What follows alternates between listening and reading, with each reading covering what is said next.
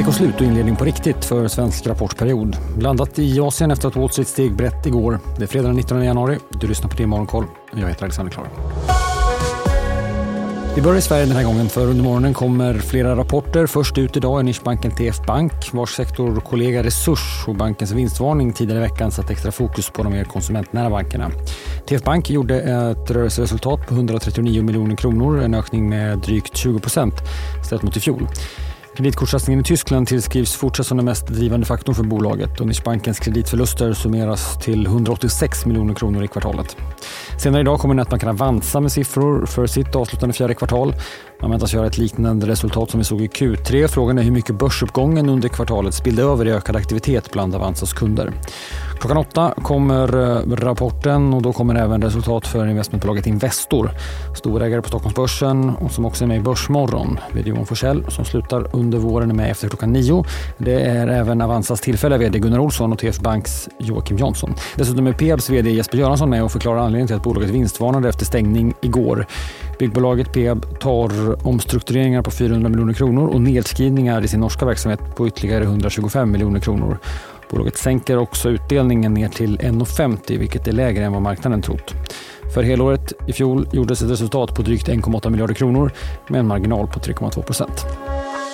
I Asien nu där börserna rör sig åt olika håll. I Japan stiger Tokyobörsen efter att inflationssiffrorna för december sjunkit. Inflationen föll tillbaka från 2,8 i november ner till 2,6 procent i december. Nästa vecka lämnar landets centralbank räntebesked.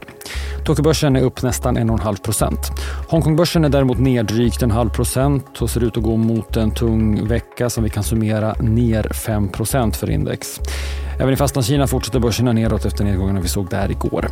Vi kan notera att eh, TSMC som släppte sin rapport igår går bra och stiger även i Asien. Vi såg ju lyft för den i eh, New York tillsammans med mycket inom tech.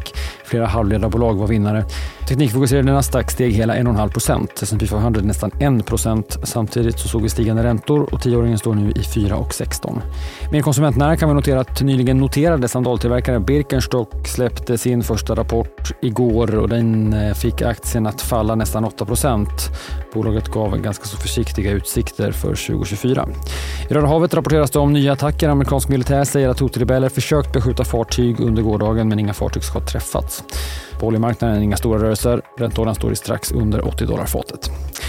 Avslutningsvis då, dagens agenda. Ganska så tunt. En del makrostatistik får vi också förutom alla rapporter jag nämnde under morgonen. Från brittiskt håll kommer detaljhandelsstatistik klockan åtta och från tyskt håll får vi producentprisindex vid samma tid. Senare i eftermiddag så kommer sen då konsumentmätningen Michigan Index från USA för januari.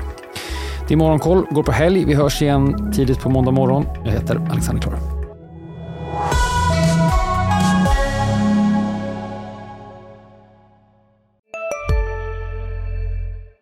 Där det finns ett samhälle, där finns det brott. Krimrummet är podden som tar brottsligheten på allvar.